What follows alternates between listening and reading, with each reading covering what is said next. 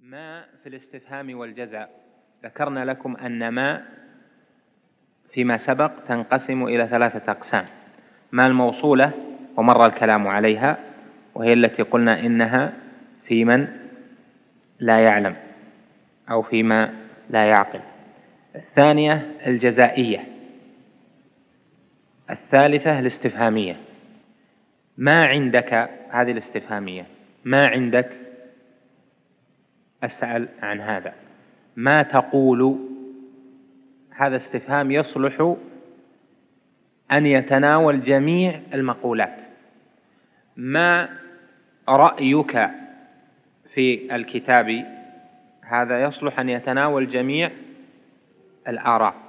هذا معنى الاستفهامية. أما الجزائية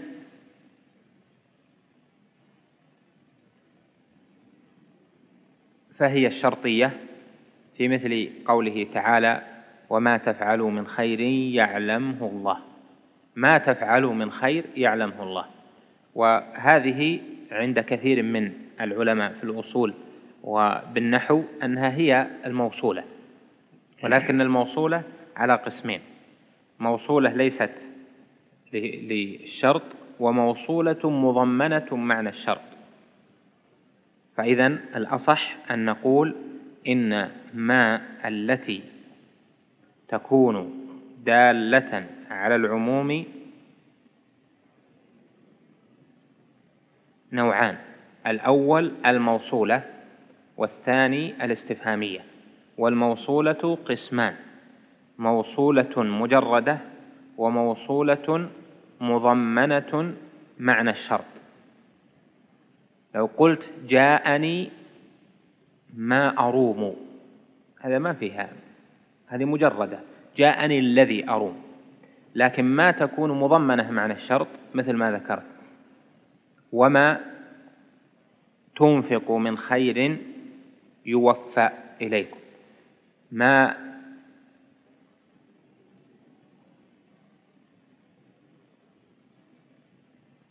تعمل أعمل. هذه تكون هي بمعنى الذي يعني الذي تعمل أعمل ولكنها موصولة فيها معنى الشرط. طبعا في فرق في الاستفادة من هذه وهذه ليس هذا محل بيانه إذا صار عندنا أن الموصول أن الموصولة ما هذه تنقسم إلى قسمين وكلها دالة على العموم وما الثانية اللي هي الاستفهامية كذلك دالة على العموم. نعم. اللي بعدها. لا في النكرات. المقصود بها لا النافية للجنس. كقولك لا رجل في الدار. لا إله إلا الله. لا أحد أغير من الله. لا شيء أغير من الله.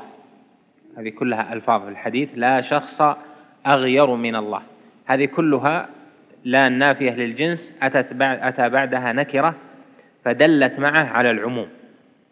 وهذا عند علماء الأصول عندهم إنه نص في العموم وعند بعضهم ظهور في العموم. والمقصود أن قول الله جل وعلا لا إله إلا الله في قوله إنهم كانوا إذا قيل لهم لا إله إله هذه هي اسم لا النافية للجنس. ولا نافية للجنس. وقد مر معنا أن الجنس دال على العموم في الإنسان والحيوان ونحو ذلك. هذا يدل على العموم. فإذا لا نفت الجنس. نعم بعدها نكرة لكن هي معها صارت دالة على الجنس. أما النكرة بمفردها بدون ضميمة شيء آخر لا تدل على الجنس. الجنس يعني الذي يدل على العموم. ولهذا قالوا إن الذي بعدها إذا صار مبنيا مع ما قبلها على الفتح صارت نصا في العموم. لا رجل في الدار. لا إله إلا الله. يعني لا يخرج من هذه شيء. لا يخرج منها شيء. نص صريح في العموم. وإذا كان ما بعدها نكرة. مرفوعة مرفوعة يكون تكون لا بمعنى ليس. تعرفون أن لا تكون تعمل عمل ليس وتعمل عمل إن. إذا عملت عمل إن تسمى لا النافية للجنس وإذا عملت عمل ليس تسمى لا النافية مثل ما قال ابن مالك قال فصل في ما ولا ولات وإن. المشبهات بليس. المشبهة بليس يكون ما بعدها مرفوع. تقول لا رجل في الدار. إذا قلت لا رجل في الدار هذه أيضا دخلت لا على النكرة فهي يشملها كلامه. لكن هنا دلالتها على العموم أضعف من دلالة النفي للجنس لا رجل في الدار.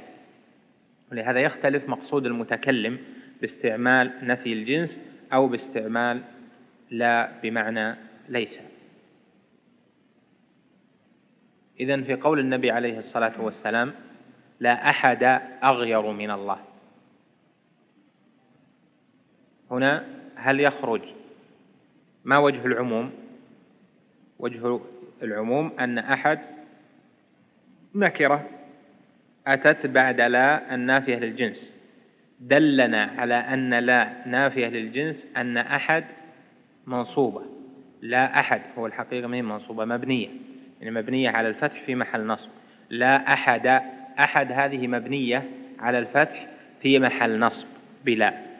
ظاهر؟ فإذا دلنا على أنها عامة قوله لا أحد أغير من الله. فكل من يدخل في كلمة أحد فإنه ليس بأغير من الله جل وعلا. نعم. والعموم من صفات النطق ولا يجوز دعوى العموم بغيره من الف... ولا يجوز دعوى العموم بغيره من الفعل وما يجري مجراه. طيب هذه مسألة مهمة.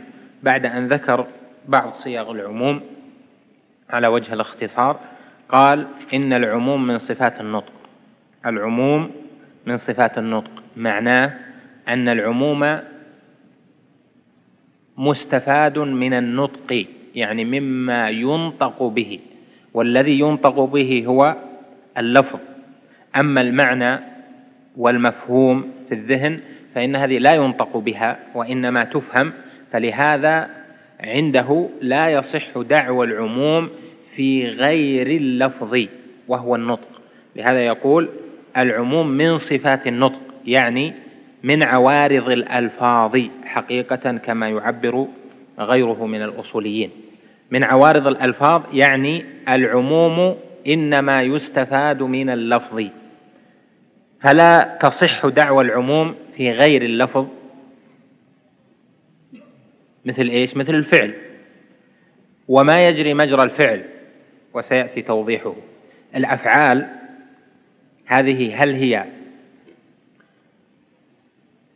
من صفات النطق المنطوق به أم هي عمل؟ هي عمل. فالنبي عليه الصلاة والسلام إما أن يقول قولا أو يعمل عملا أو يقرر تقريرا. هنا القول والتقرير هذا لفظي والعمل فعلي. لهذا يقول القو العموم من صفات النطق يعني أن الأفعال ليست بأقوال ولهذا لا تدخل في العموم لا عموم في الأفعال. فمثلا النبي عليه الصلاة والسلام صلى أو جمع في السفر جمع في السفر السفر من حيث هو لفظ يدل على يدل على العموم السفر. لو قال مثلا السفر مباح لو كان نطق بهذه لصار السفر هنا عام لكل الأسفار. ظاهر؟ هنا قال الصحابي في الحديث المتفق عليه جمع رسول الله صلى الله عليه وسلم في السفر. طيب هنا فعله عليه الصلاة والسلام كان الجمع. والجمع كان في السفر. صحيح؟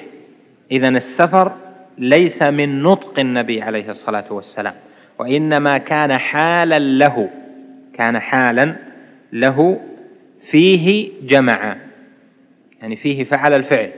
فإذا هنا لفظ السفر لا يدعى فيه العموم لأنه ليس من نطقه عليه الصلاة والسلام وإنما كان حاله فعله أنه سافر وفي هذا السفر جمع. فإذا لا يستدل بهذا الفعل أن هذا يعم السفر القصير والطويل أو يعم سفر الطاعة وسفر المعصية أو يعم السفر الذي قصد به النسك والسفر الذي لم يقصد به النسك. وذلك لأنه فعل والفعل لا يدل على العموم. ما سبب عدم دلالة الفعل على العموم؟ لأنه إنما فعل واحدة من تلك الحالات. وعليه الصلاة والسلام جمع في السفر. هو كان على حالة واحدة. إما أن يكون سفره سفر قصير وإما أن يكون سفره سفرا طويلا وإما أن يكون سفره سفر نسك وإما أن يكون سفره ليس بسفر نسك. ظاهر النسك يعني للحج والعمرة ونحو ذلك. في غير هالحالات. هو هذا الكلام هل يشملها جميعا أو هو وقع منه عليه الصلاة والسلام حالة واحدة؟ إيه إذا لأنه إنما وقع منه عليه الصلاة والسلام حالة واحدة إنما وقع منه عليه الصلاة والسلام حالة واحدة فإنه لا يصح أن يدعى العموم في الأفعال. صلى رسول الله صلى الله عليه وسلم في الكعبة. هنا صلى في الكعبة أي صلاة؟ صلاة فرض أو نفل. هنا لا يقال إن هذا فعل وبعمومه يدل على الحالين. لا يقال ذلك لما؟ لأنه إنما فعل واحدة إما هذه أو هذه. فهذا معنى كون الأفعال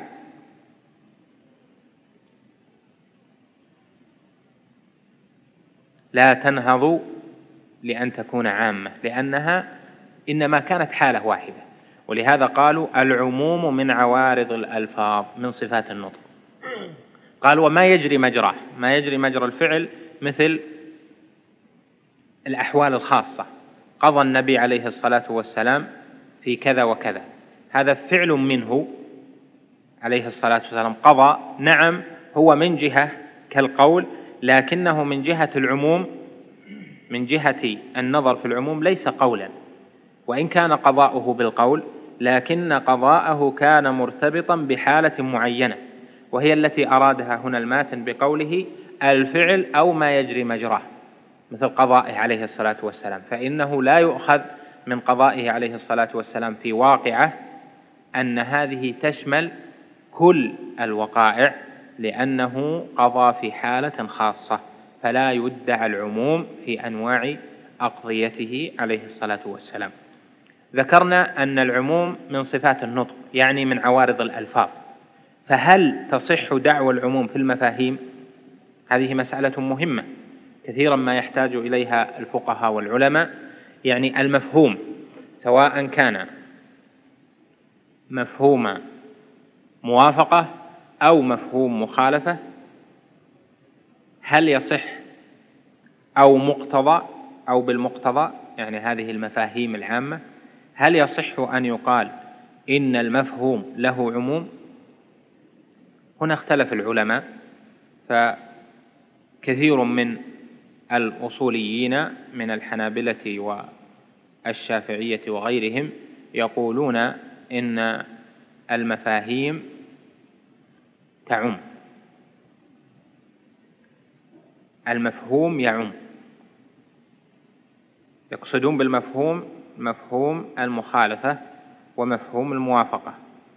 ومفهوم الموافقة معناه أن يشترك ما يفهم مع ما نطق في الحكم. ومفهوم المخالفة معناه أن ما يفهم يكون حكمه بعكس ما ذكر أو بخلاف ما ذكر أحسن من العكس لأن المخالفة والعكس بينهما فرق. يعني يكون ما يفهم حكمه خلاف ما ذكر. قال هنا مثل حديث القلتين إذا بلغ الماء قلتين لم يحمل الخبث. هنا إذا بلغ الماء قلتين هذا نصه إذا بلغ. طيب إذا لم يبلغ هذا مفهوم. فهل يقال إنه يعم الجميع؟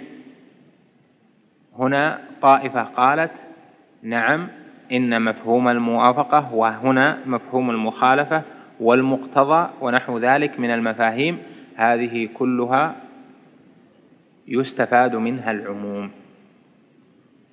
وخالف في ذلك شيخ الإسلام ابن تيمية رحمه الله كما ذكره وأطال عليه في المسودة في أصول الفقه وكذلك ابن قدامة في المغني عند شرحه لحديث القلتين قال إن المفهوم لا ينهض للعموم. مفهوم لا ينهض للعموم وقولهم إن العموم من عوارض الألفاظ حقيقة أن هذا يدل على عدم شمول المفاهيم. أجيب وهذه مسألة مهمة بأن المفهوم هو في موازنة المنطوق لكنه يفهم منه عكس الحكم. أما يعني يفهم منه خلاف الحكم. أما اللفظ فهو في مقام عكسه. مثلا إذا بلغ الماء قلتين لم يحمل الخبث. هنا المفهوم المفهوم معناه أنه قال إذا لم يبلغ الماء قلتين لم يحمل الخبث. فلهذا قالوا المفهوم يرجع إلى اللفظ. مفهوم المخالفة يرجع إلى اللفظ. في قوله فلا تقل لهما أف. هذا في تحريم التأثير. طيب تحريم الضرب هذا مفهوم موافقة. لأنه يوافق التأثير في الحكم. فكأنه قال فلا تضربهما أو قول أعظم من الأف فلا تقل لهما هجرا لا ترفع عليهما صوتا ونحو ذلك. هذه تسمى مفهوم موافقة. قالوا إن مفاهيم الموافقة ومفاهيم المخالفة إنها تدل على العموم لأنها راجعة إلى النطق. وهذه مسألة مهمة جدا.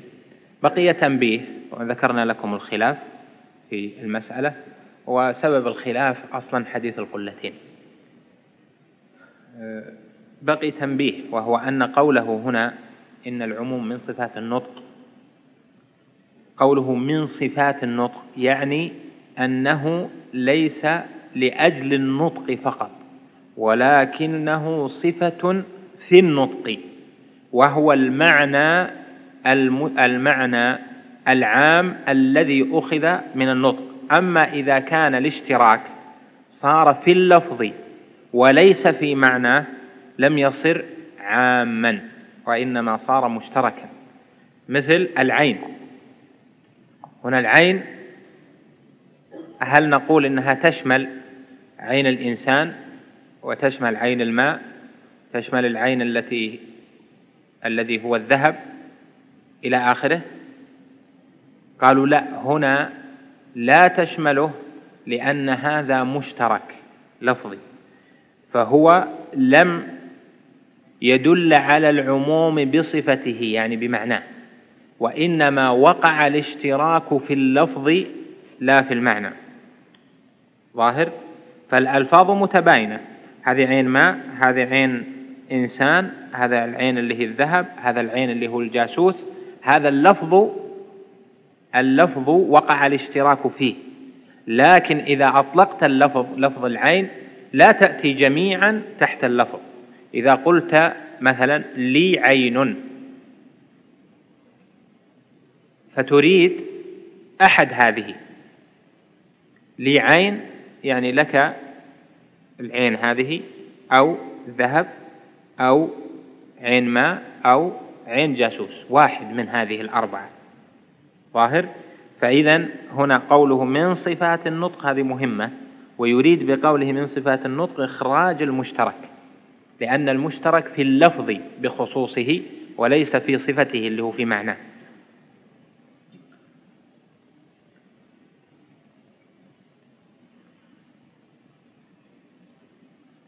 اللي بعده؟ والخاص يقابل العام. قف على الخاص. طيب من المسائل المهمة المتصلة بالعموم أن العموم قد يكون مطلقا وقد يكون مقيدا وقد يكون من وجه دون وجه.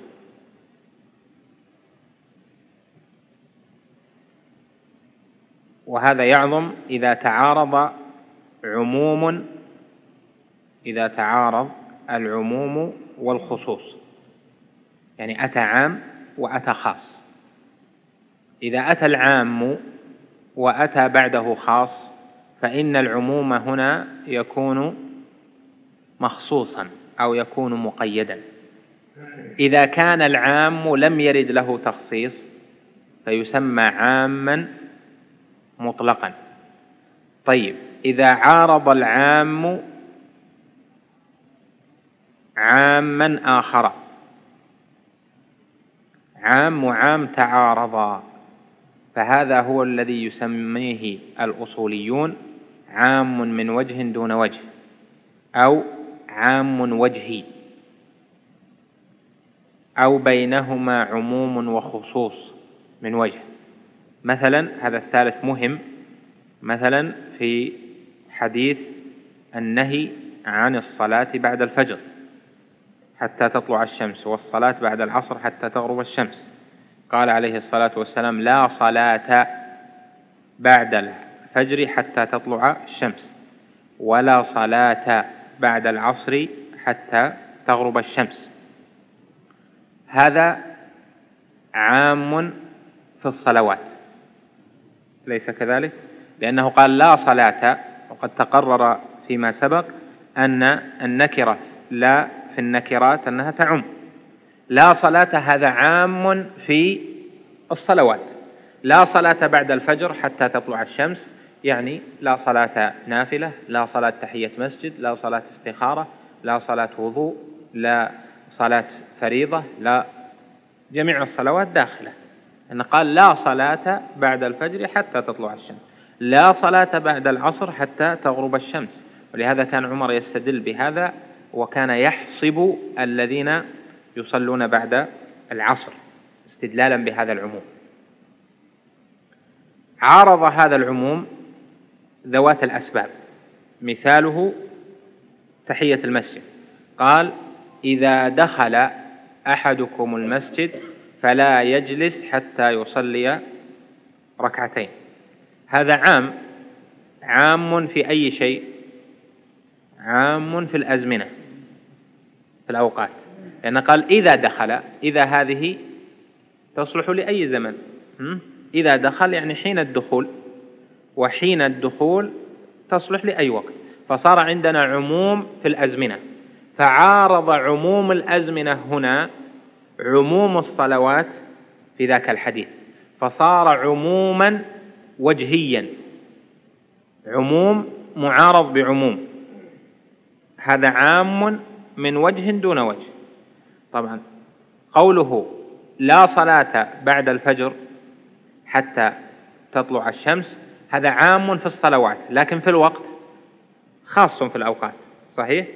قوله هنا إذا دخل أحدكم المسجد فلا يجلس حتى يصلي ركعتين هذا عام في في الأزمنة لكنه خاص في الصلاة اللي هو صلاة تحية المسجد. فهذا يسمى عام وجهي عام من وجه دون وجه. وهذا مما تعترك فيه أنظار العلماء ولهذا يقوى الخلاف في مثل هذه المسائل.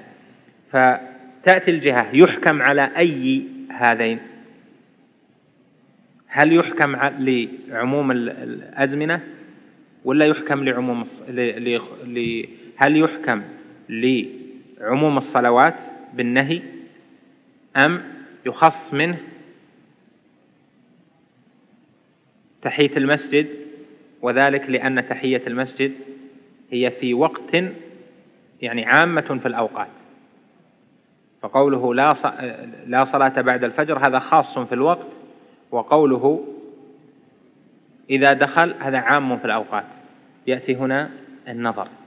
فمن قال إنها لا تجوز تحية المسجد في أوقات النهي قال قوله لا صلاة بعد الفجر حتى تطلع الشمس هذا عام في الصلوات ويدخل فيها تحية المسجد وخاص في الوقت هذا بخصوصه.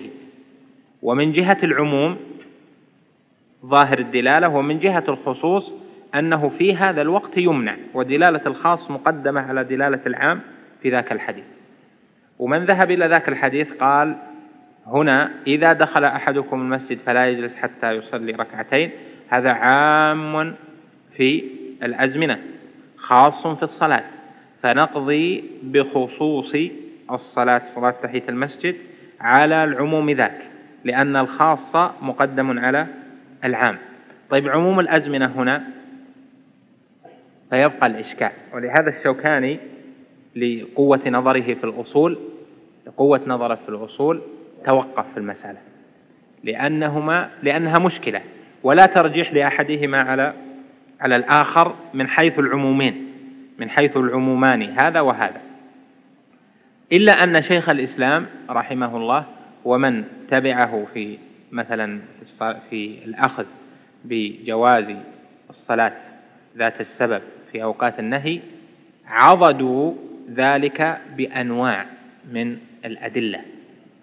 مثل حديث يا بني عبد المناف لا تمنعوا أحدا طاف بهذا البيت أو صلى. أية ساعة شاء من ليل أو نهار. لكن أجابوا بأن هذا خاص بالكعبة. والإمام أحمد رحمه الله خلص من الإشكال بطريقة هي المعروفة من مذهب أصحابه. قالوا هنا تعارض الأمر تعارض العمومان. فإذا تعارض وصار الإشكال تساقط. وأخذنا الترجيح من دليل خارج وهو أن النهي مقدم على الأمر. فإن صلاة تحية المسجد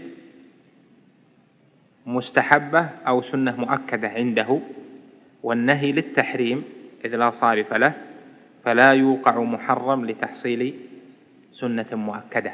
خرج بهذا من تداعي العمومين. المقصود أن أحيانا تأتي لكم مسائل خاصة في العموم والعموم من أهم الأبواب.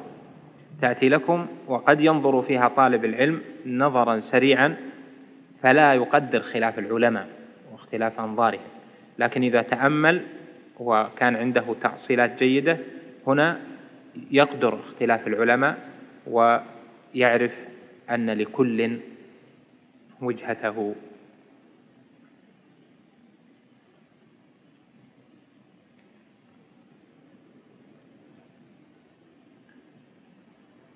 هذا هذا المشهور من مباحث العام على وجه الاختصار. الخاص نعم. اقرأ. لا أصبر اقرأ. أول نعم. والخاص يقابل العام والتخصيص تمييز الجملة وهو ينقسم إلى تمييز تمييز الجملة. والتخصيص هو تمييز الجملة وهو ينقسم إلى متصل ومنفصل فالمتصل الاستثناء والتقييد بالشرط والتقييد بالصفة. بس. والاستثناء نعم كمل والاستثناء إخراج ما لولاه لدخل في الكلام وإنما يصح بشرط أن يبقى من المستثنى منه شيء ومن شرطه أن يكون متصلا بالكلام. ويجوز تقديم الاستثناء على المستثنى منه ويجوز الاستثناء من الجنس ومن غيره. هنا بعد أن ذكر العام ذكر الخاص والعام يقابله الخاص والخاص هو خلاف العام ولهذا نعرفه بأنه ما لم يعم شيئين فصاعدا. يعني خاص بفرد واحد بحالة واحدة. ما لا يتناول شيئين فصاعدا ما لا يعم شيئين فصاعدا. ودلالة العام العموم ودلالة الخاص التخصيص. ولهذا يقال هذا فيه عموم وهذا تخصيص لذلك العموم. أو يقال هذا الدليل عام وذاك الدليل خاص. فإذا الخاص يعرف بأنه مثل ما ذكر في اللغة ما لا يتناول شيئين فصاعدا. أما في الاصطلاح فإنه يعرف بأنه قصر العام على بعض أفراده. دلالة العام كثيرة. فإذا قصرنا العام على بعض أفراده أخرجنا دلالة العام على كل الأفراد وخصصنا بعض الأفراد وقصرناها بالحكم فإن هذا يسمى خاصا. فإذا الخاص هو قصر العام على بعض أفراده. التخصيص قسمان. إما أن يكون التخصيص متصلا بالتعميم بالعموم وإما أن يكون التخصيص منفصلا عن العموم أو كما قال الخاص إما أن يكون متصلا باللفظ العام وإما أن يكون منفصلا. أما المتصل المتصل فمعناه أن يكون معه في نفس الكلام وفي نفس المجلس تأتي بلفظ عام ثم تخصصه. دخل الرجال إلا عشرة. دخل الرجال إلا زيدا ومحمدا وخالدا وأحمدا هنا هذا الاستثناء تخصيص متصل بمعنى أنه في المكان اتصل بالكلام. ما انفصل عنه؟ المنفصل سيأتي وهو ما يكون في موضع آخر. يعني يستفاد من جملة أخرى ليست متصلة بالجملة السابقة. ذكرنا لكم قوله تعالى فسجد الملائكة كلهم أجمعون إلا إبليس. هذا استثناء. نعم. فاستثناء متصل وهذا معناه أنه تخصيص متصل. قال هنا الاستثناء. أول المخصصات المتصلة الاستثناء. الاستثناء مهم لأن الفقهاء أو الأصوليين يقولون الاستثناء معيار العموم.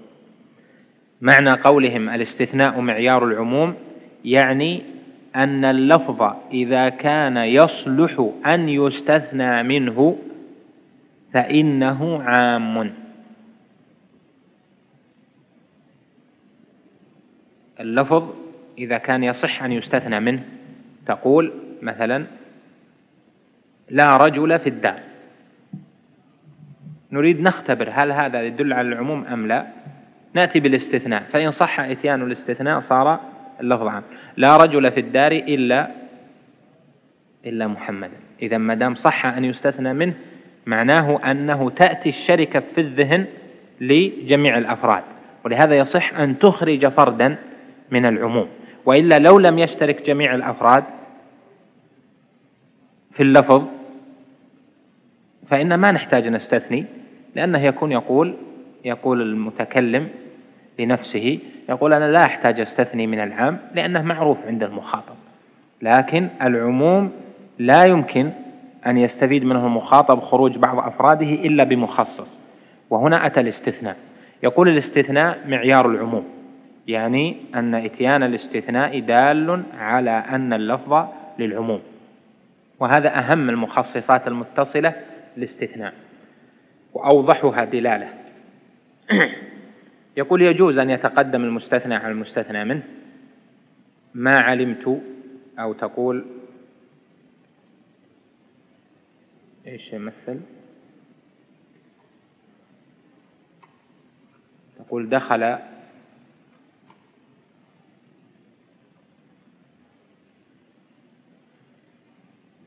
تقول ما دخل أحد مثلا؟ ما دخل أحد إلا زيدا. وتقول ما دخل إلا زيدا أحد. ما دخل من أحد إلا زيدا. ما دخل إلا زيدا من أحد. يعني يجوز أن يتقدم الاستثناء على اللفظ العام أو أن يتأخر. هذا ليس بشرط أن يكون هناك ترتيب لأنها كلها متصلة في مكان واحد فيأتي للذهن المعنى العام والتخصيص معه. القسم الثاني الشرط من المخصصات المتصلة. الشرط والقسم الثالث الصفة. فعندنا المخصصات المتصلة ثلاثة أنواع كما ذكره هنا. الاستثناء والشرط والصفة. الشرط كثير. مثلا تقول أكرم الرجال إن جاءوك. يعني إن جاءوك فأكرمهم.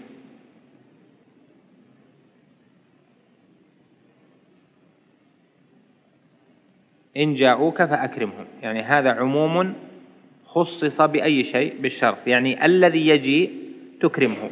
الذي لم يأتي لا يستحق الإكرام. هذا معنى الشرط. والشرط أنواع عندهم. شرط لغوي وهو المقصود هنا.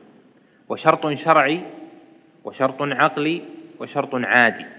هذه أربعة أقسام للشروط بشكل عام. لكن هنا لا يقصد بالشرط إلا الشرط اللغوي الذي يكون بأدوات الشرط إن وإذا وأمثالها. ظاهر؟ الشرط العقلي يعني ما تشترطه العقول عادة لإنفاذ الأشياء ليس بمعتبر تخصيص. الشرط الشرعي الشروط الشرعية المسلمون على شروطهم ونحو ذلك. هذا غير معتبر في التخصيص. المقصود منه اللغوي. لما؟ لأن الدلالة التي استفدنا منها العموم في العام هي دلالة اللغة ليست هي دلالة الشرع إنما هي دلالة اللغة. فلهذا كان التخصيص باللغة ليقابل استفادة العموم من اللغة. الصفة تأتي بصفة تخصص بعض العام. تقول اقرأ الكتب المفيدة. الكتب عام صحيح؟ لكن هنا خصصته بالمفيد. أكرم الرجل العالم. أكرم الرجال الفقهاء. هنا أعطيته صفة هذه الصفة خصصت وهي متصلة به. وقولنا التخصيص بالصفة ليس معناه النعت فحسب. قد يكون نعتا وقد يكون عطف بيان وقد يكون حالا وقد يكون شبه جملة ظرف أو جار مجرور. الصفة تشمل هذه الخمس. تشمل النعت تشمل الحال تشمل عطف البيان وتشمل شبه الجملة اللي هي ظرف وجار مجرور. يعني إذا قلت لك مثلا في الظرف هي الأولى واضحة لكن في الظرف لو قلت لك بل جعلنا مثلا في عطف البيان أكرم أبا حفص. أو قلت لك أكرم أبا محمد. أبا محمد فيه اشتراك لا لا؟ قد يكون أكثر من واحد. أكرم أبا محمد خالدا هذا تخصيص. خالد عطف بيان يعني إعرابها عطف بيان لكنها تسمى هذه تدخل في الصفات فهي تخصيص لما وقع الاشتراك فيه في الذهن. الظرف مثلا ظرف قد يكون ظرف مكان أو ظرف زمان. في ظرف المكان أو ظرف الزمان تقول اقرأ الكتب كل يوم حين الصباح. اقرأ الكتب كل يوم حين الصباح. اقرأ الكتب كل يوم الساعة العاشرة. إيتني كل يوم الساعة كذا. فقوله كل يوم هذا فيه فيه اشتراك صحيح؟ فتأتي الصفة لتقييده أو لتخصيصه. هنا أتى أنت ما قريتها لكنها هو لم يأتي يعني الجويني صاحب الورقات لم يتكلم عن المطلق والمقيد في هذه الرسالة. واعتبر المقيد اعتبر المقيد من التخصيص بالصفة. يقول إن قيد بصفة فهو المقيد يقابله المطلق. يعني عنده أن المقيد والمطلق أنه من فروع بحث العام وهذا ليس بصحيح. لأن قوله مثلا قوله تعالى فتحرير رقبة تحرير رقبة مؤمنة في آية مثلا الظهار فتحرير رقبة. من قبل أن يتماس. في آية القتل قال فتحرير رقبة مؤمنة ودية مسلمة إلى أهله. فتحرير رقبة هذا سموه مطلقا. هنا يسميه عاما وتحرير رقبة مؤمنة يقول هذا تخصيص للعام بالصفة لأن الإيمان صفة للرقبة. لكن هنا يقال من أين استفيد العموم في قوله فتحرير رقبة؟ هنا ما استفدنا العموم. وين استفدنا العموم؟ تحرير هذا فعل يعني مصدر بمعنى فعل الأمر يعني حرروا رقبة. هنا رقبة كيف استفدنا العموم منها؟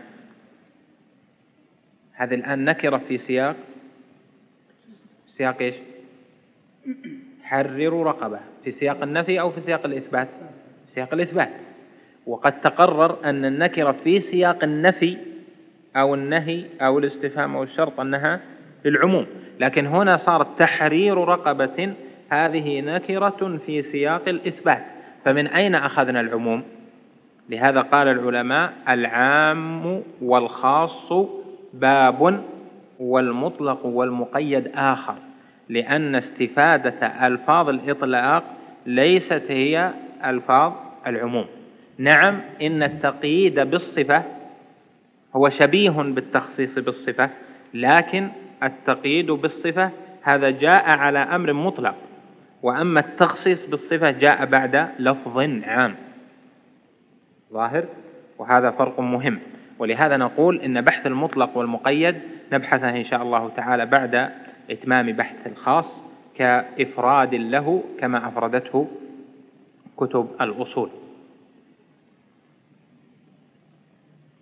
ما سبب الإشكال؟ هنا إيش قال عندك؟ وإن قيد بالصفة؟ هي اذكر أشوف عشان يسمعونه.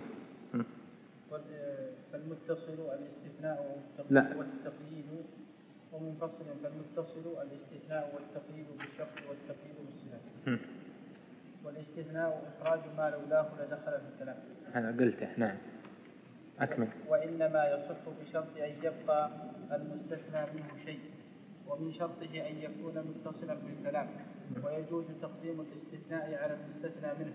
ويجوز الاستثناء من الجنس ومن غيره. نعم. كمل.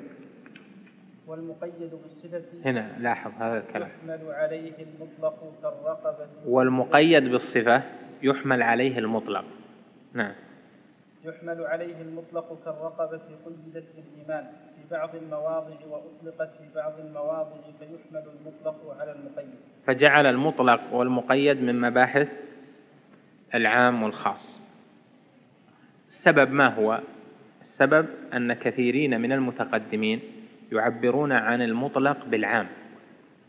قال هذه فيها عموم.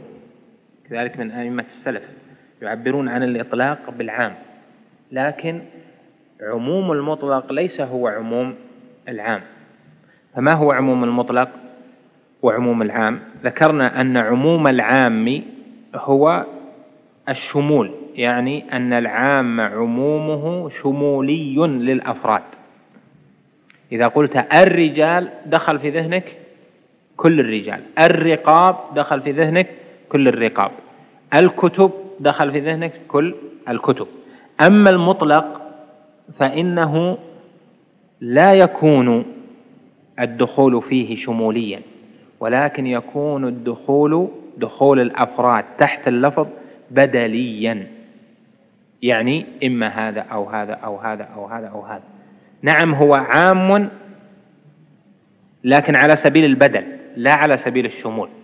يعني مثلا أعتق الرقابة. هذا يعني أعتقها جميعا صحيح؟ هذا عموم. شمولي. لكن أعتق رقبة.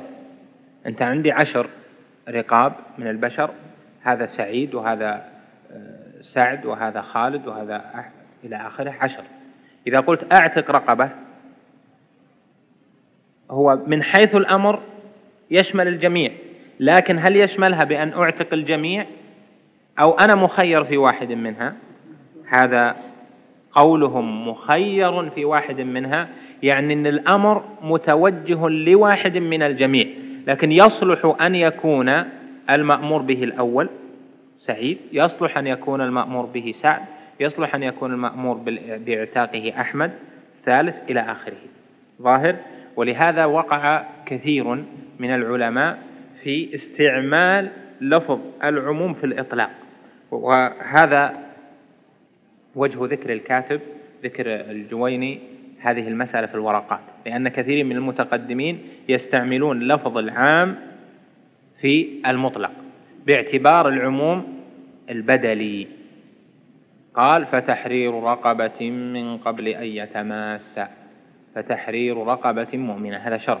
قيدت الرقبة بأنها مؤمنة لكن أي رقبة؟ أي وحدة؟ صحيح؟ بشرط الإيمان. وإذا عموم المطلق العموم المطلق بدلي وعموم العام إيش؟ شمولي تنتبه لها الكلمة. وعلى هذا ففي الاصطلاح لا يصح أن يقال في المطلق إنه عام ويسكت. ويقال هذا عام لأنه قد يأتي إشكال. هل العام هذا تخصصه مخصصات العام الشمولي؟ فيبقى الإشكال. ظاهر لكم؟ ولا ما هو ظاهر؟ على كل حال يأتي مزيد تفصيل في مكانه في المطلق والمقيد. نقف عند المخصصات المنفصلة ونكمل إن شاء الله الدرس غدا بعد صلاة الفجر في هذا المسجد. أما درس المغرب اليوم فيلغى. يكون عندنا درس بعد صلاة العصر في مسائل الجاهلية إن شاء الله.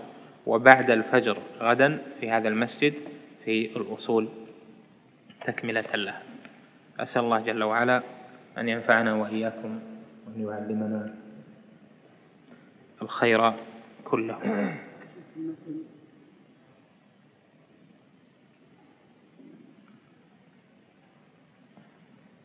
نكتفي بهذا. نعم.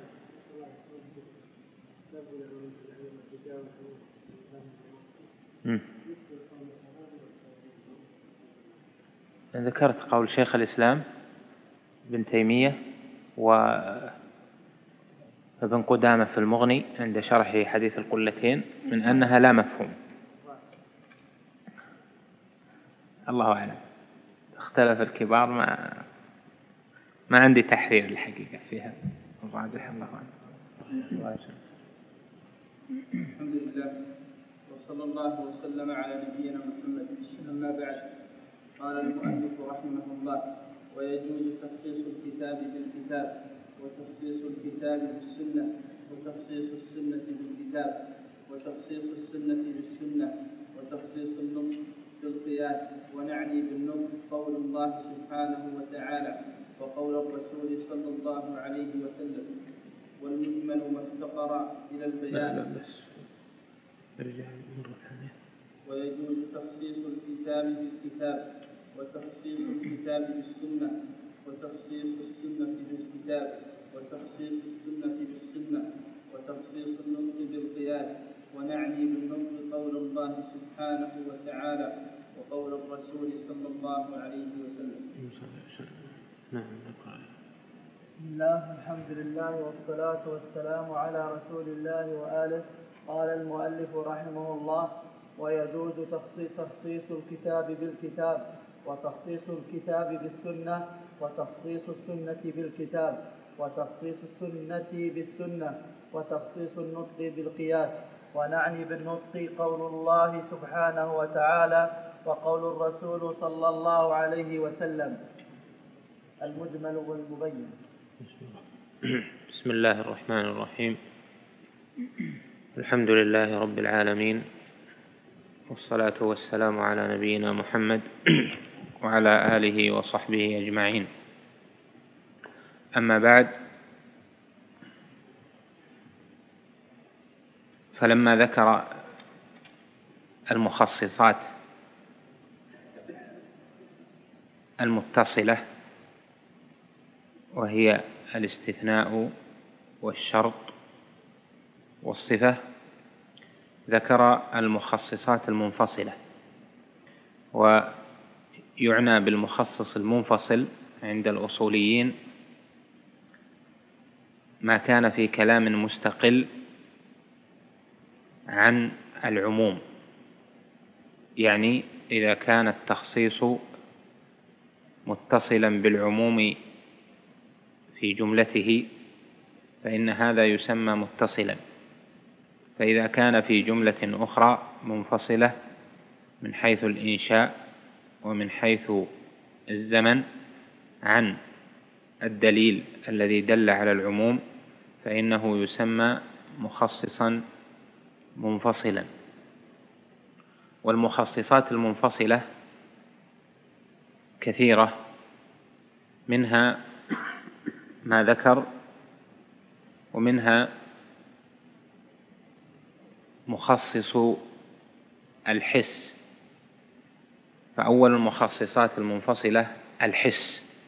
والحس يعنى به أحد الحواس الخمس التي منها المشاهدة.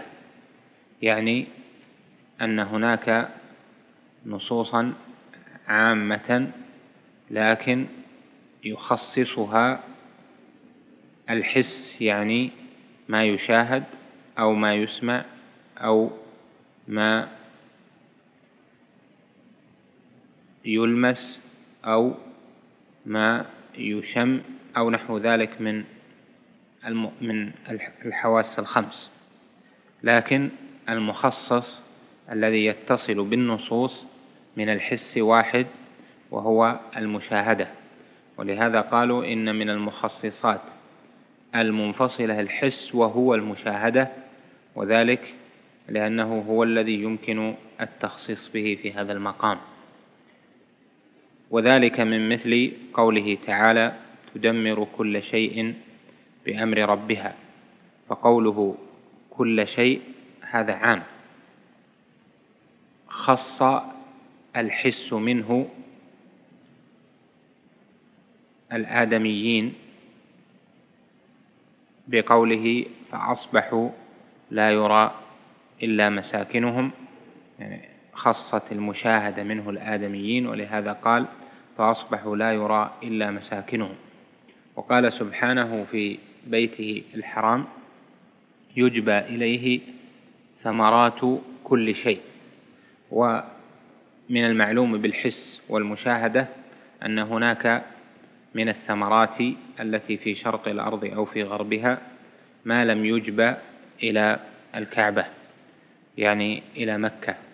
كذلك قوله تعالى وأوتيت من كل شيء ولها عرش عظيم هناك شيء لم تؤتى إياه بل أشياء يدل على ذلك الحس. فإذا هناك الحس مخصص فخص الأخير هنا في قوله وأوتيت من كل شيء بأنها أوتيت من كل شيء أوتيه ملوك زمانها.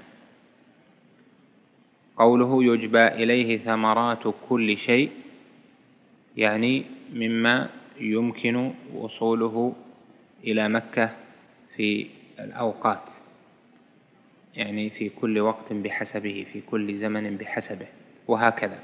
إذا فمخصص الحس ويعنى به المشاهدة قد يخص به الكتاب والسنة ولكن هذا لا بد أن يكون متفقا عليه لأجل أن لا يدخل أهل العقول في جعل المخصصات العقلية صحيحة لنصوص الكتاب والسنة. ولهذا قالوا الحس هو المشاهدة والمشاهدة يشترك فيها الجميع فهي من قبيل ما اتفق عليه. ذكر هنا من المخصصات قال يجوز تخصيص الكتاب بالكتاب. قوله يجوز معناه يمكن يعني يجوز وقوعا. يمكن أن يخصص الكتاب بالكتاب. يعني يصلح الكتاب أن يخصص الكتاب. وهذا مباين للوجوب لأن هناك من الألفاظ العامة في القرآن ما لم يرد عليه تخصيص مثل قوله تعالى الله خالق كل شيء وقوله الله خالق كل شيء هذا عام في الأشياء التي تقبل أن تخلق وهي ما كان غير الله جل وعلا وأسمائه وصفاته وأفعاله. فهذا عام لا مخصص له عام باق على عمومه وهذا معنى قوله يجوز يعني أنه ليس كل عام واجب التخصيص بل هناك ألفاظ عامة بقيت على عمومها دون مخصصات. يجوز تخصيص الكتاب بالكتاب يعني أن القرآن يكون فيه آيات عامة وهناك آيات في القرآن تخصص ذلك العموم. مثاله قوله تعالى والمطلقات يتربصن بأنفسهن ثلاثة قروء فهذا عام في كل مطلقة. ويشمل المطلقة الحامل والمطلقة غير الحامل يعني الحائل. كذلك يشمل المدخول بها وغير المدخول بها. وقوله والمطلقات يتربصن بأنفسهن ثلاثة قروء يعم كل مطلقة سواء أكانت حاملا أم حائلا وسواء أكانت مدخولا بها أم غير مدخول بها. هذا العموم خص بالكتاب بالقرآن في الحوامل في قوله تعالى وأولاة الأحمال أجلهن أن يضعن حملهن يعني أن عدة المرأة الحامل لا تنقضي إلا بوضع الحمل.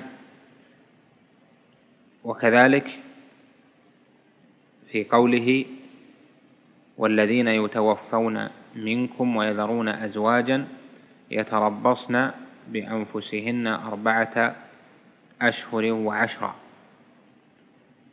مع قوله وأولاة الأحمال أجلهن أن يضعن حملهن كذلك المدخول بها وغير المدخول بها قوله والمطلقات يتربصن يشمل هذه وهذه لكن خص من عمومه المدخول غير المدخول بها بقوله يا أيها الذين آمنوا إذا طلقتم النساء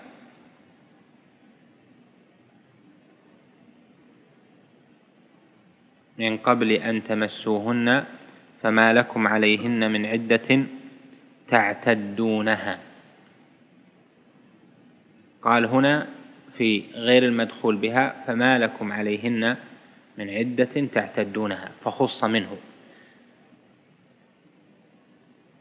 كذلك قوله تعالى والزانية والزاني فاجلدوا كل واحد منهما مئة جلدة. الزانية هذا يعم الحرة والعبدة يعم الحرة والأمة. خص من عمومه الأمة بقوله تعالى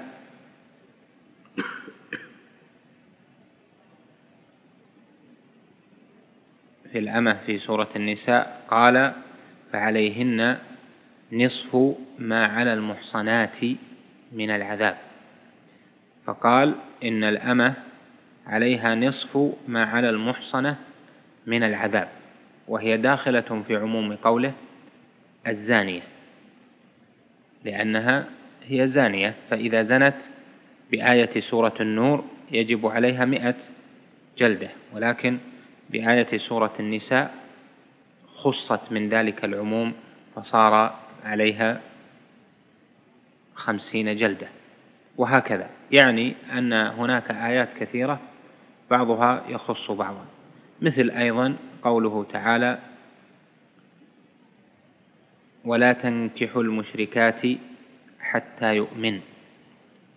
لا تنكحوا المشركات حتى يؤمن.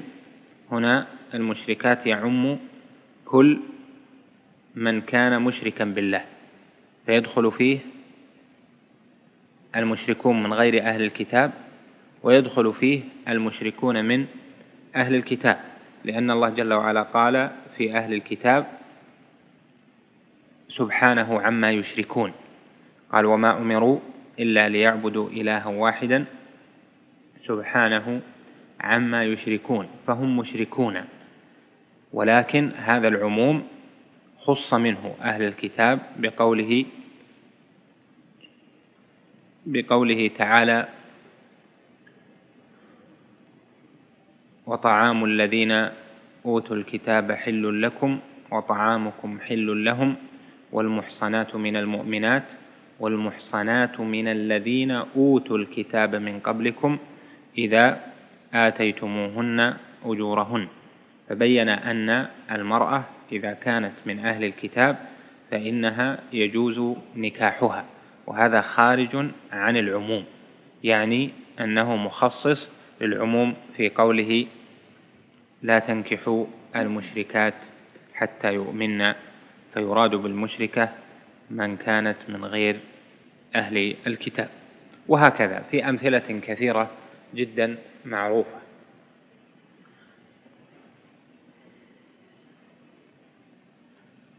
وكذلك يجوز كما ذكر تخصيص الكتاب بالسنة. تخصيص القرآن بالسنة. وهذا عند عامة العلماء. وخالف فيه بعضهم من جهة أن القرآن قطعي الدلالة والسنة لا تقوم على التخصيص إلا إذا كانت قطعية الدلالة وهذا ليس بصحيح. فعندهم أن حديث الآحاد لا يخص حديث لا يخص الآية لا يصلح أن يكون مخصصا للآيات وهذا غلط. فإننا نقول إن القرآن تخصه السنة سواء كانت السنة متواترة أم آحاد فإنها تصلح مخصصة. مثال ذلك قوله تعالى مثال ذلك قوله تعالى في المحرمات من النساء لما عدها حرمت عليكم أمهاتكم إلى آخره قال بعدها وأحل لكم ما وراء ذلكم. أحل لكم ما وراء ما هذه من ألفاظ العموم. فيستدل بهذه الجملة من الآية على أن كل امرأة لم تذكر في المحرمات في هذه الآية فإنها مباحة لدليل قوله وأحل لكم ما وراء ذلكم. هذا عموم من القرآن لكن خص بالسنة في قوله عليه الصلاة والسلام لا تنكح المرأة على عمتها ولا تنكح المرأة على خالتها. يعني أن يجمع بين المرأة وعمتها وبين المرأة وخالتها. فهذا مما جاء في السنة وهو تخصيص لهذا العموم المستفاد من قوله وأحل لكم ما وراء ذلكم. كذلك قوله تعالى وآتوا حقه يوم حصاده. آتوا حقه يعني كل ما خرج من الأرض. خصت منه السنة أشياء من أن الذي يجب أن يؤتى منه الحق يوم الحصاد هو ما يكال ويدخر. وأما غيره فإنه لا يجب ذلك فيه. وهكذا في أمثلة كثيرة.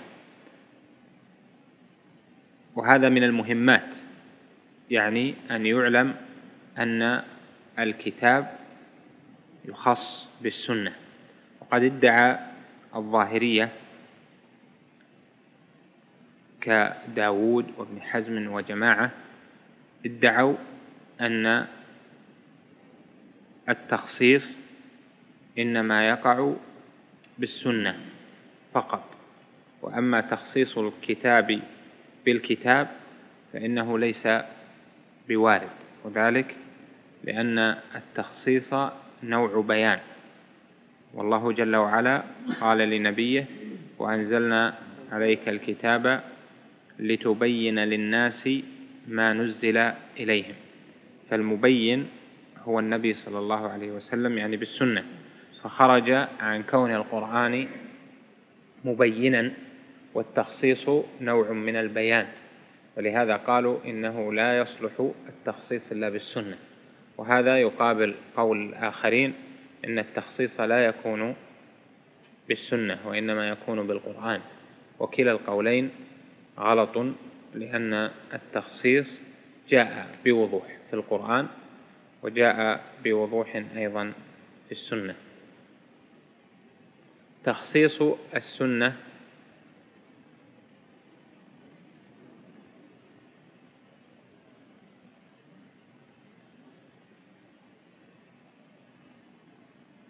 بالقرآن. أيضا السنة تخص بالقرآن وأيضا السنة تخص بالسنة.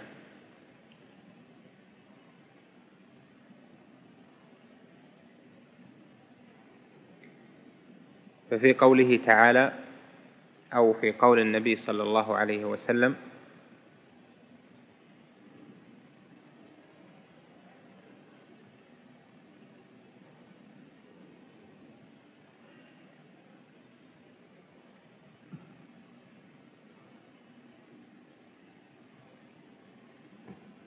شرحني المثال لتخصيص القرآن للسنة ما ذكر عندكم مثال؟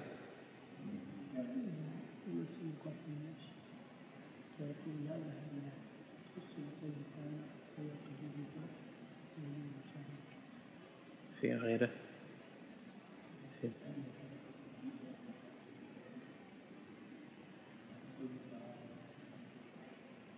مثال صحيح. طيب. قوله عليه الصلاة والسلام لا يقبل الله صلاة أحدكم إذا أحدث حتى يتوضأ. هذا عام. وجه العموم فيه استخدام حرف الغاية حتى لا يقبل الله صلاة أحدكم إذا أحدث حتى يتوضأ. وحروف الغايات تدل على العموم بنوع من الاعتبار. هذا يشمل كل مسلم. لا يقبل الله صلاة أحدكم إذا أحدث حتى يتوضأ. يشمل كل مسلم سواء كان مريضا أو غير مريض سواء كان واجدا للماء أو غير واجد للماء كان مسافرا أو غير مسافر. وخص هذا العموم بقوله تعالى فلم تجدوا ماء فتيمموا صعيدا طيبا. فإذا قوله فلم تجدوا ماء فتيمموا هذا تخصيص لقوله لا يقبل الله صلاة أحدكم إذا أحدث حتى يتوضأ. تخصيص السنة بالسنة هذا كثير أيضا وميدانه واسع. من من المخصصات أيضا المفاهيم. والمفاهيم أيضا فيه نزاع في تخصيصها كما سبق في هل تدل المفاهيم على العموم أو لا تدل هل تصلح المفاهيم للتخصيص أم لا لكنها مهمة تخصيص بالمفاهيم.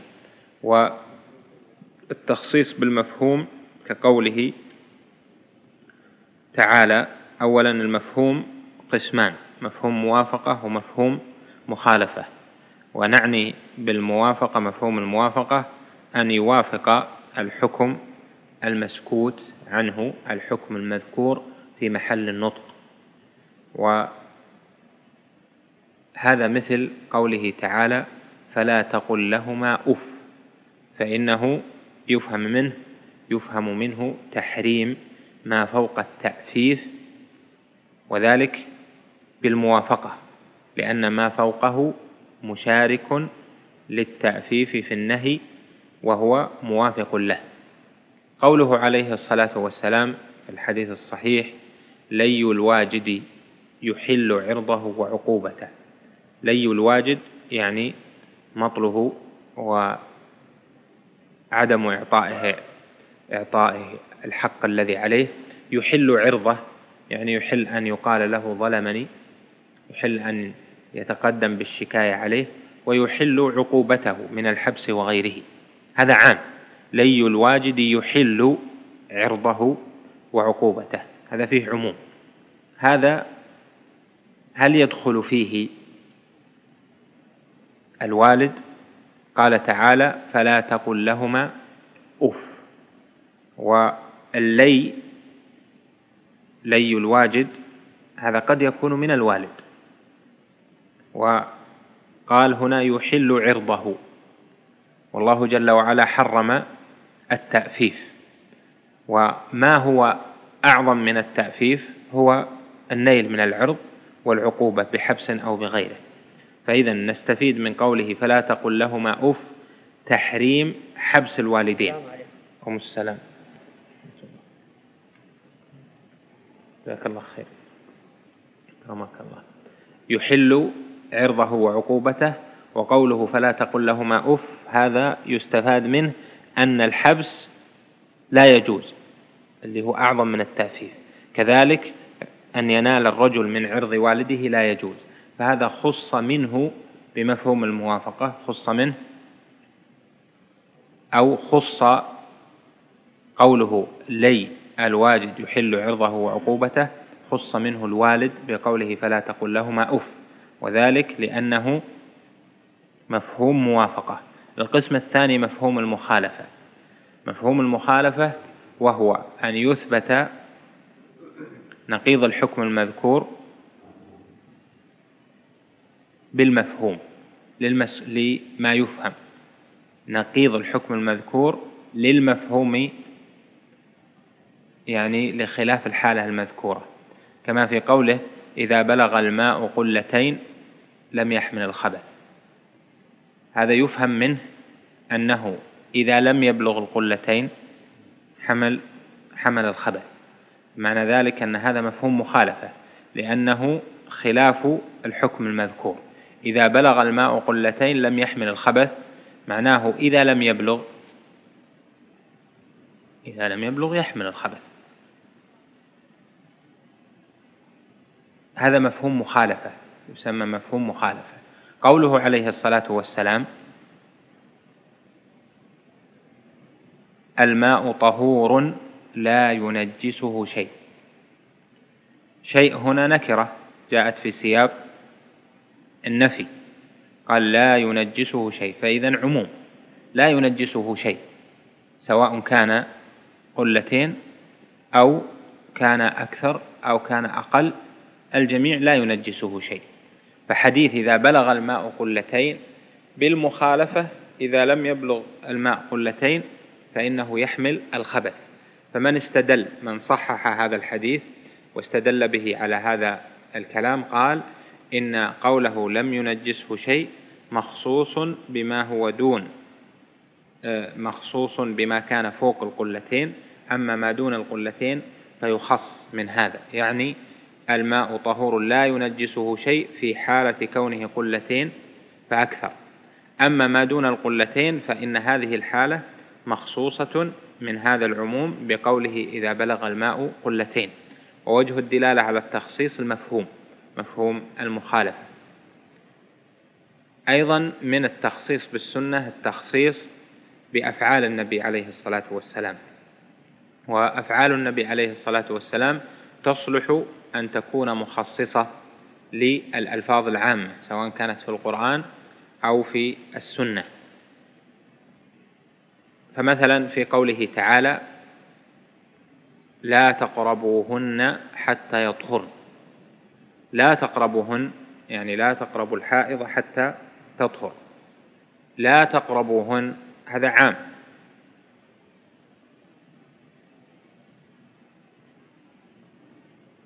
شو وجه العموم. أيوة، دلالة كيف استفدنا العموم. لا تقربوهن حتى يطهرن. حرف الغاية واحد لكن تقربوهن. ما نستفيد منه العموم؟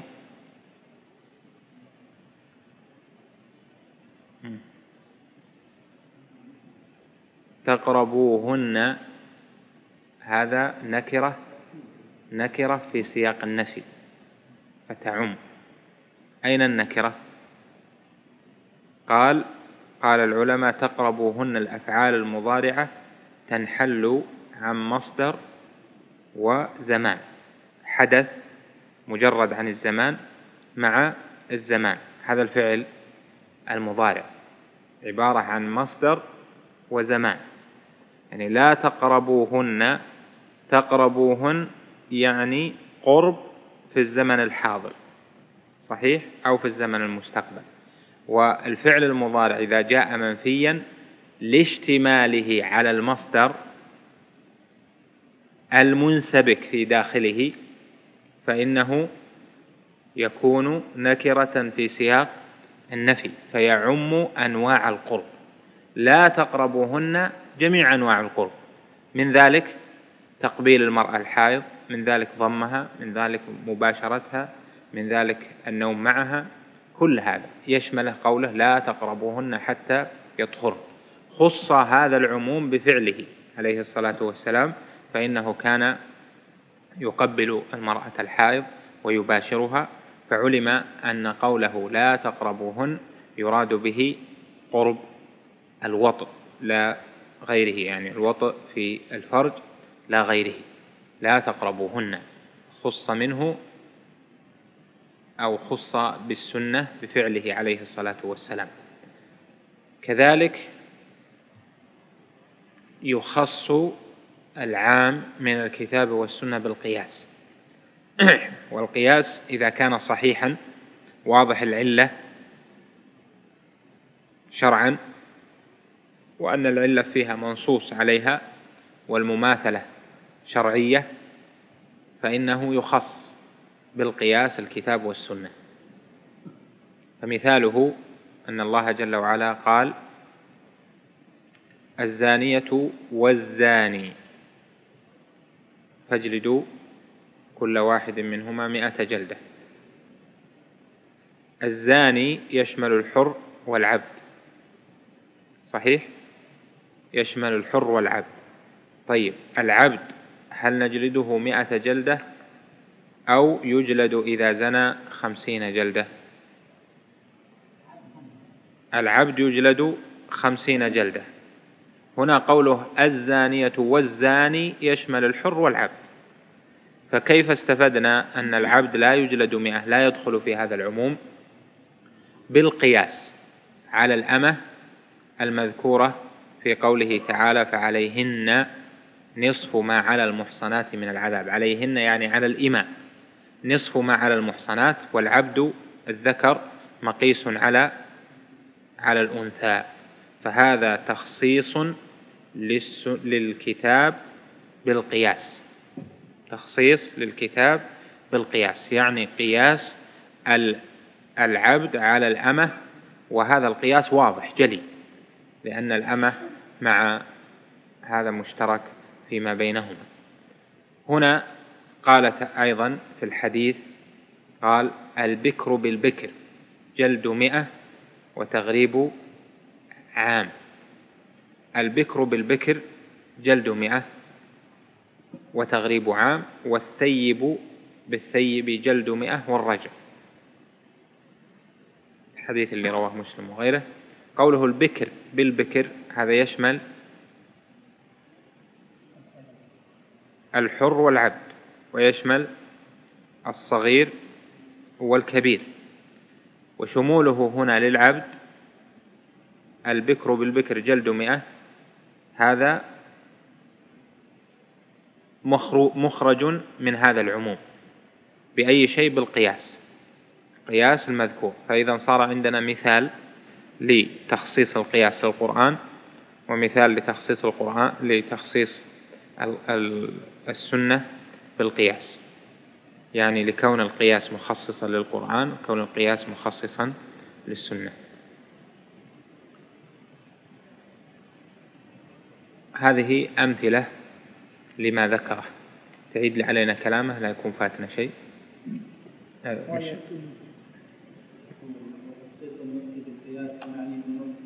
قول الله سبحانه وتعالى وقول الرسول صلى الله عليه وسلم هذا ذكرنا كلها تأكد؟ طيب. نعيد يعني بحث العموم بحث العام مهم. بحث العام مهم. طبعا أكثر المخصصات أكثر المخصصات اللي يقال هذا عام وهذا خاص أكثرها من قبيل المخصصات المنفصلة يعني تخصيص القرآن بالقرآن تخصيص القرآن بالسنة تخصيص السنة بالقرآن تخصيص السنة بالسنة. والسنة تنقسم إلى أقوال وأفعال وكذلك تخصيص العمومات من الكتاب والسنة بالمفاهيم وتخصيصها بالقياس كل هذا ذكر وهي أمثلة مهمة. طيب نأخذ أمثلة كتطبيق لما ذكر لأن بحث المجمل والمبين يحتاج إلى وقت. وعندنا بحث قبله وهو المطلق والمقيد أيضا. طيب عندنا الآن أمثلة على العام والخاص. أمثلة تطبيقية. قوله تعالى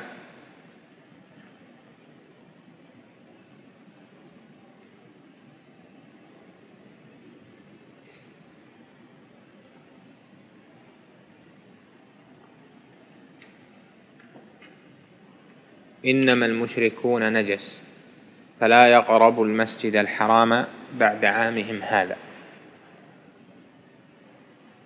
هنا هل في هذه الآية عموم؟ نعم. أين هو؟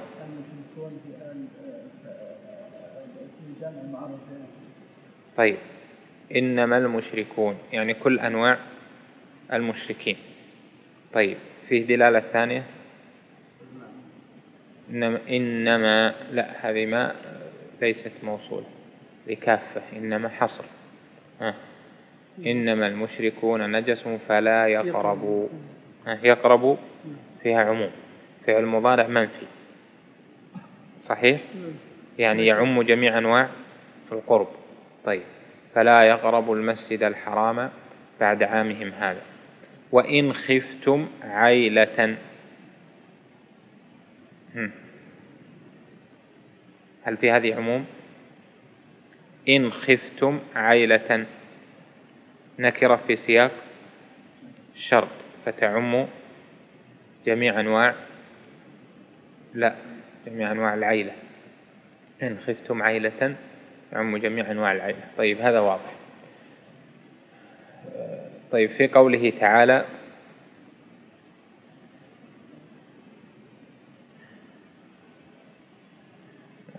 في قوله تعالى فلم تجدوا ماء فتيمموا. فلم تجدوا ماء. هل فيه عموم؟ نعم إن شاء الله أي وين النكرة؟ تجدوا فعل مضارع. إيه؟ يعني؟ يعني هنا نفى الفعل. طيب. لم تجدوا لم لا تدخلوا إلا على المضارع صحيح؟ والفعل المضارع قلنا يشمل المصدر اللي هو الحدث مع الزمن والمصدر نكرة. فإذا صار نكرة في سياق النفي صحيح؟ فتكون عامة. طيب يعم إيش؟ أحوال أحوال إيش؟ أحوال عدم الوجود. فلم تجدوا ماء يعم جميع أحوال عدم الوجود. أحوال عدم الوجود ما هي؟ هل الوجود له حالة واحدة ولا أحوال؟ عدم الوجود له حالة أم أحوال؟ أحوال ما هي؟ يعني ما وجد لا فلم تجدوا ما وجد الماء حسا فقده غير موجود. أو ما وجد الماء حبس عنه هو يراه لكنه محبوس عنه. أو ما وجد الماء حكما مو بحقيقة حكما. ولهذا مثلا المريض يتيمم لما ما الدليل فلم تجدوا ماء. لأنه هنا غير واجد للماء داخل في العموم لكن عدم وجدانه للماء هذا حكما ولو كان واجدا له حسا. إذا فلم تجدوا ماء هذا يشمل كل الأحوال عدم وجوده حقيقة وعدم وجوده حكما.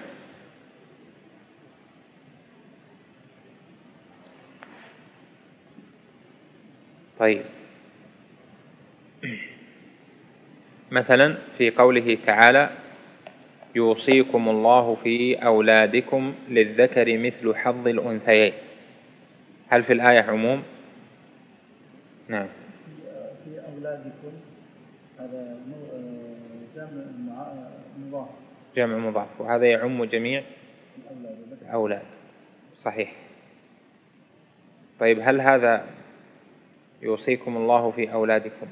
يعني يشمل إيش؟ وش جهات العموم؟ نعم عام في الأولاد جميعا. ما هي جهات الأولاد؟ لازم تتصور بعد العموم جهات العموم. يعني ما يدخل ما يشمله من الصور. يوصيكم الله في أولادكم. الأولاد يشمل الذكر والأنثى. هذا واحد. الصغير والكبير. هذا اثنين. ها.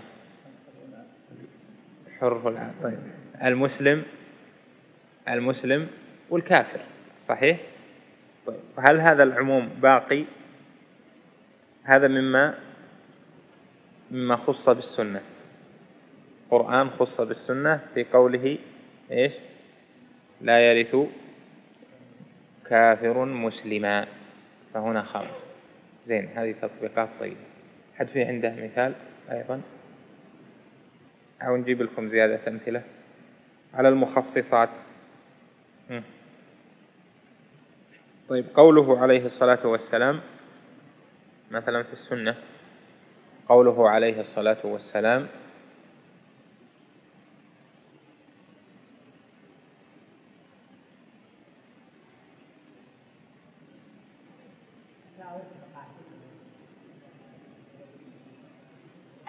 كذلك صحيح.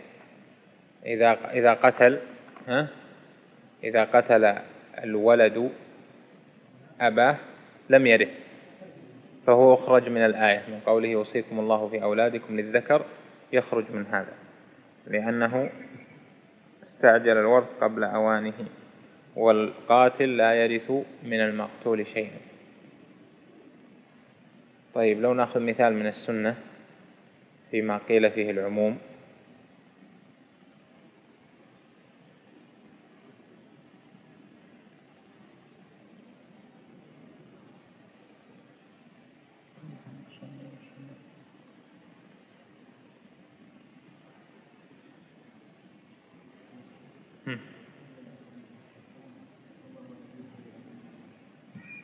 اتقوا الله واعدلوا بين أولادكم.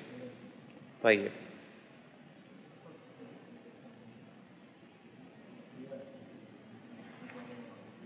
واعدلوا بين أولادكم. وش وجه العموم أولا؟ يعني لفظ اللفظ الذي دل على العموم. الأمر ما هو من صيغ العموم. أولادكم هذا. يعني يشمل جميع الأولاد.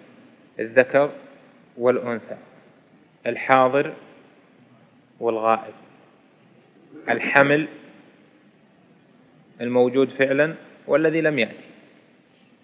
هذا يشمل الجميع؟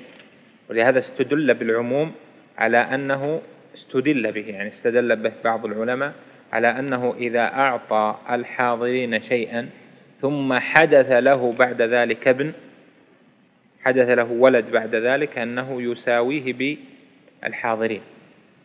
يعطيه مرجع يعني يعطيه مثل ما أعطاهم لأنه داخل في قوله أولادكم. اتقوا الله واعدلوا بين أولادكم. اللي أنت ذكرت ذكرت تخصيصه في بعض الأحوال هذا مو بتخصيص. يعني بعض القياء هذا لأنه لا يخرج عن العدل. قال اتقوا الله واعدلوا بين أولادكم. فإذا أعطى أحد الأولاد لميزة فيه لا لتفضيل من غير ميزة وهذه الميزة يعنى بها الميزة الشرعية التي يؤذن بها يؤذن فيها بالعطاء مثل أن يشتغل معه. اشتغل معه أعطاه أكثر من أولاده. طالب علم أعطاه مما يعينه على طلب العلم ونحو ذلك. فهذا خارج عن ذلك لكن مو بخروج بالقياس. خروج لأنه داخل في ضمن العدل المأمور به. هذه مسألة ما لها دخل بالتخصيص. فيه مثال ثاني. هذا ذكرناه. طيب نعيده. لا صلاة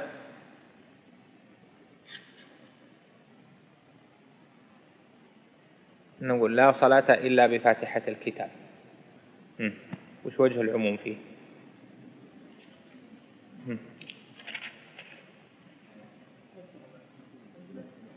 يعني لا النافية للجنس طيب يعم إيش؟ كل أنواع الصلاة اللي هي فرض والنفل أيضا جهرية والسرية أيضا للإمام والمأموم والمنفرد صحيح؟ لا صلاة إلا بفاتحة الكتاب. هذا يعم هذه جميع جميع الأحوال. طيب. صلى رسول الله صلى الله عليه وسلم داخل الكعبة. هذا. صلى داخل الكعبة. هنا وش جهة العموم؟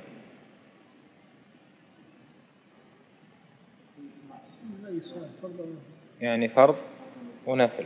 وش بعد؟ سرية وجهرية. صحيح. هذا فعل والأفعال قلنا لا عموم لها لأنه هذه حالة واحدة. صلى هو أحد الحالات. صلى صلاة سرية وهي نافلة. والأفعال ليس فيها عموم إنما العموم من عوارض الألفاظ من صفات النطق. مر معنا. إيه. فلا يجلس حتى يصلي ركعتين. هذا عام؟ طيب. وأين لفظ العموم؟ وين استفدت؟ العموم من إيش؟ طيب وين وين لفظ العموم؟ اولا قبل ما تبحث يعني بتفكيرك وش العموم اولا لفظه. كيف استفدت العموم؟ إذا دخل أحدكم المسجد فلا يجلس حتى يصلي ركعتين.